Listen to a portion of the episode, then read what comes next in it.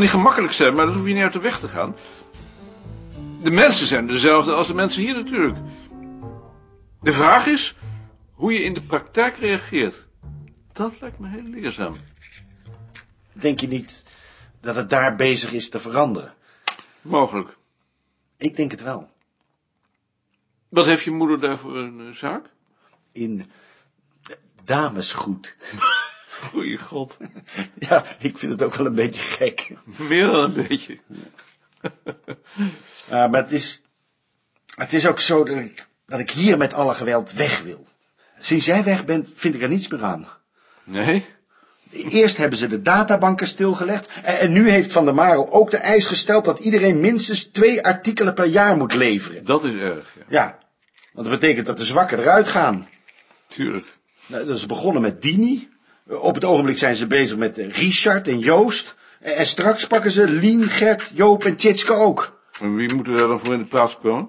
Vriendjes en vriendinnetjes van Charles en Van der Marel. Godverdomme. En allemaal onder het mom dat het Beerta-instituut een Center of Excellence moest worden. Zo, zo noemen ze dat tegenwoordig. En er is niemand die er iets tegen doet? Wie, wie zou daar iets tegen moeten doen? Je kunt één front vormen. Het, het draait alleen nog om de individuele productie. Iedereen denkt alleen nog om zichzelf. Wel solidair met de zwarten in Zuid-Afrika, maar niet met de mensen van je eigen afdeling. Ik vind het heel erg. Ja, maar jij hoeft het je niet aan te trekken. Jij kunt er toch niets meer aan doen. Nou, ik trek het me wel aan. Wanneer is je laatste dag? 30 juni, Net als ik. alleen twee jaar later. Ik had liever gezien dat het twintig jaar later was geweest. Kom in ieder geval op je afscheid. Ze nemen toch wel afscheid? Van mij hoeft het niet. Tuurlijk nemen ze afscheid. Dat zou te gek zijn. Dat is nog nooit vertoond. Er is wel meer nog nooit vertoond. In ieder geval neem ik afscheid van je. Graag.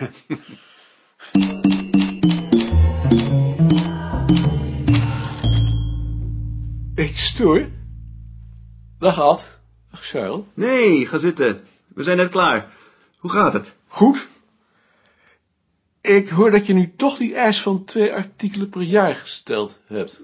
Eigenlijk had het er drie moeten zijn, maar daar wacht ik nog even mee.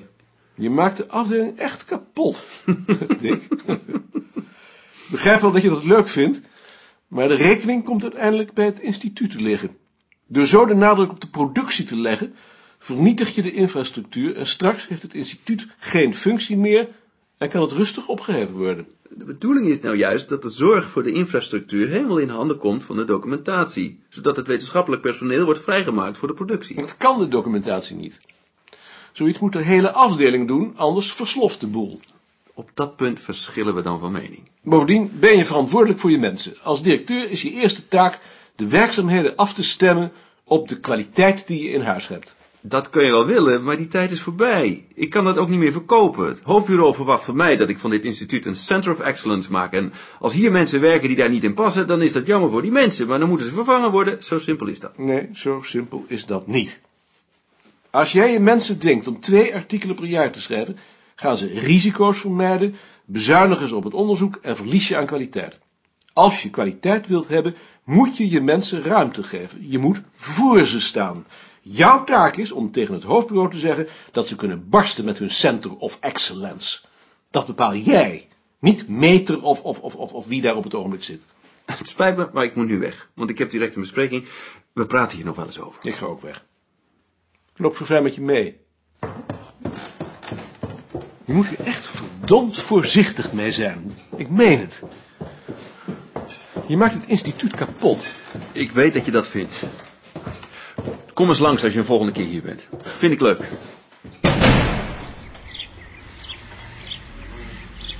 Op straat drong pas goed tot hem door wat er gezegd was. Eerst door Eve, daarna door Van der Marel. Het gaf hem het gevoel in een luchtledig te hebben gewerkt. Ongeveer wat zijn vader gevoeld moest hebben toen zijn krant achter zijn rug werd afgebroken. Ook omdat het allemaal efficiënter moest. Zogenaamd efficiënter. Het verschil was alleen dat hij zijn werk niet als zijn levenswerk beschouwde. Maar zijn woede tegen het soort mensen dat dit bewerkstelligde, of zich niet verzette, was zeker groter. Het gaf hem naar huis lopend een gevoel van bedreigdheid en tegelijk van machteloosheid. Als hij ooit gedacht had dat hij aan het hoofd had gestaan van een Gideonsbende, dan was hij er door de ongeïnteresseerde, onverschillige houding van Joop, Sien en Tjitske weer hardhandig aan herinnerd dat dat een fictie was. Hij werd niet alleen niet gemist, zijn bezoeken en de herinnering aan vroeger irriteerden. Dat was deprimerend. Ook al had hij het diep in zijn hart al langer geweten dan vandaag.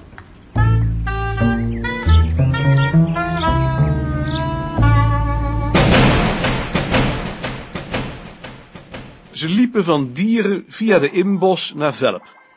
In de ochtend hing er tussen de bomen een dichte mist. Het was heel stil. Toen ze uit de Inbos de hei opkwamen, brak de zon door.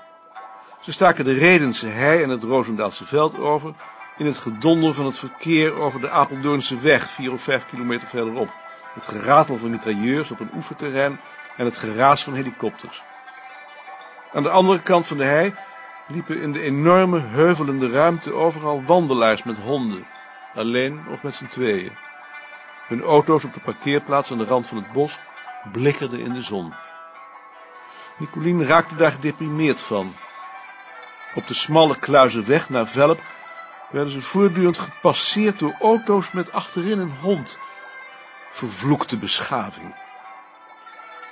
Ze dronken een kop koffie in de stationsrestauratie van Arnhem, reden terug naar Amsterdam en aten bij de Chinees in de Haarlemmerstraat, verborgen tussen de vaste klanten die na hun schotel nasi of bami hun krantje lazen. De stad, de binnenstad, met het kleine buurtrestaurant als de laatste beschaafde plek op aarde.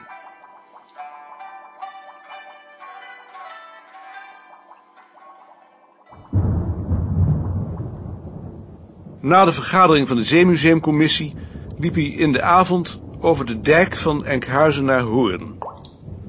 Laag over het doorsloten versneden groene land hing een grauwe bewolking, die in het westen steeds zwarter werd. De lucht voelde vochtig aan. Links lag het IJsselmeer met kleine grijze golfjes, zover zijn blik reikte. Tegen de einder voer een vrachtboot naar het noorden. Rechts lagen in de enorme ruimte verspreid kerktorens, boerderijen, bosjes. Hij at zijn brood tegen de glooiing van de dijk. In de boomgaard stonden de vruchtbomen in bloei. Op het dak van de boerderij kweelden spreeuwen. Op de vensterbank zat een zwarte kat. Het was heel stil. Bij de boerderij was geen teken van leven. Op de weg passeerde geen enkele auto. Na het eten rookte hij nog een pijp, gedachteloos, kijkend over het verre land. Er graasden wat schapen met lammeren. Een haas hobbelde door een weiland, bleef zitten, rechtop, luisterend. Hij kreeg het koud en stond op. Het begon te regenen, eerst traag met grote druppels, geleidelijk harder. Rondom verdween de horizon in een grijze mist. Omsloten door de regen met alleen het geluid van zijn voetstappen had hij het gevoel te zijn opgenomen in de ruimte. Bij de kleine vuurtoren op de Lekerhoek stopte een auto die hem achterop kwam. Kan ik u misschien een lift geven? Dat is heel vriendelijk van u, maar ik loop liever. Dus u bent een gelukkig man. Ja, ik ben een gelukkig man. Dan wens ik u nog een prettige wandeling.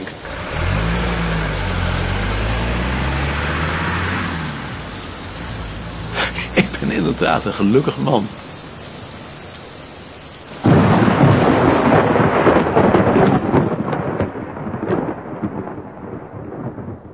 Ik denk dat ik zelf maar even afscheid ga nemen van Eve. Ze nodigen me niet uit. Maar je hebt het toch aan Ad gevraagd? Hij doet het niet.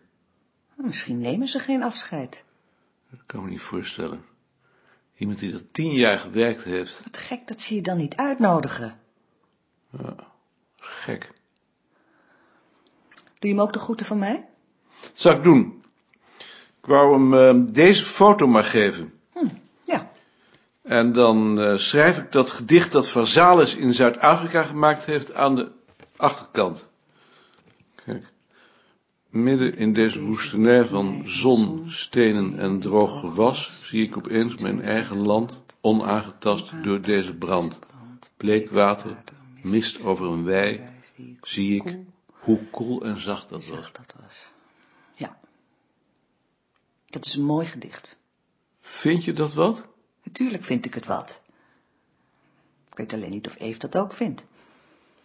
Want anders zou die niet weggaan. Lijkt me heel goed wanneer die er nog eens aan herinnerd wordt.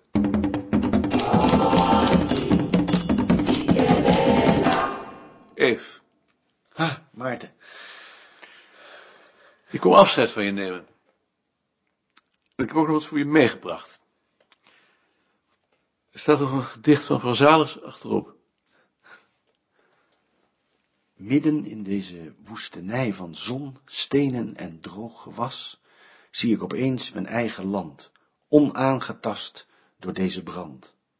Bleek water, mist over een wijn, zie ik hoe koel en zacht dat was. Helemaal in de roos. Die, die, die krijgt straks een ereplaats. Het is een eh, slootje tussen halfweg en Spaarnwoude. Het was nevelig en er lag wat vals licht juist over die plek. Vandaar dat het water zo blikkert. Je hebt hem dus zelf genomen. Ja, natuurlijk.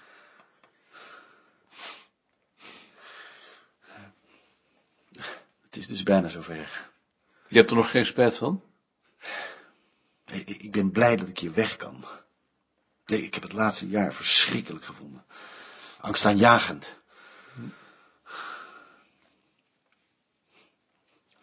Jij hebt eh, de vorige keer dat je hier was, Van der Marel nog aangevallen op zijn beleid. Ik heb gezegd dat hij het bureau op deze manier naar de bliksem hielp. Dat hebben ze je erg kwalijk genomen. Wie? Ad en Charles.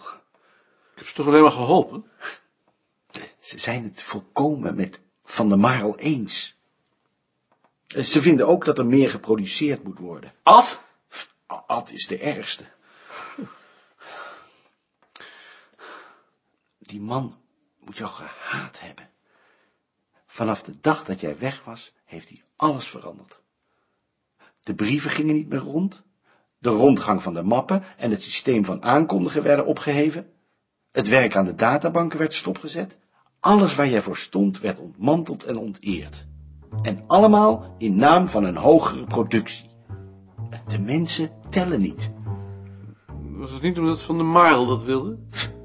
Dan had hij zich wel verzet. Maar hij gaf er zelfs leiding aan.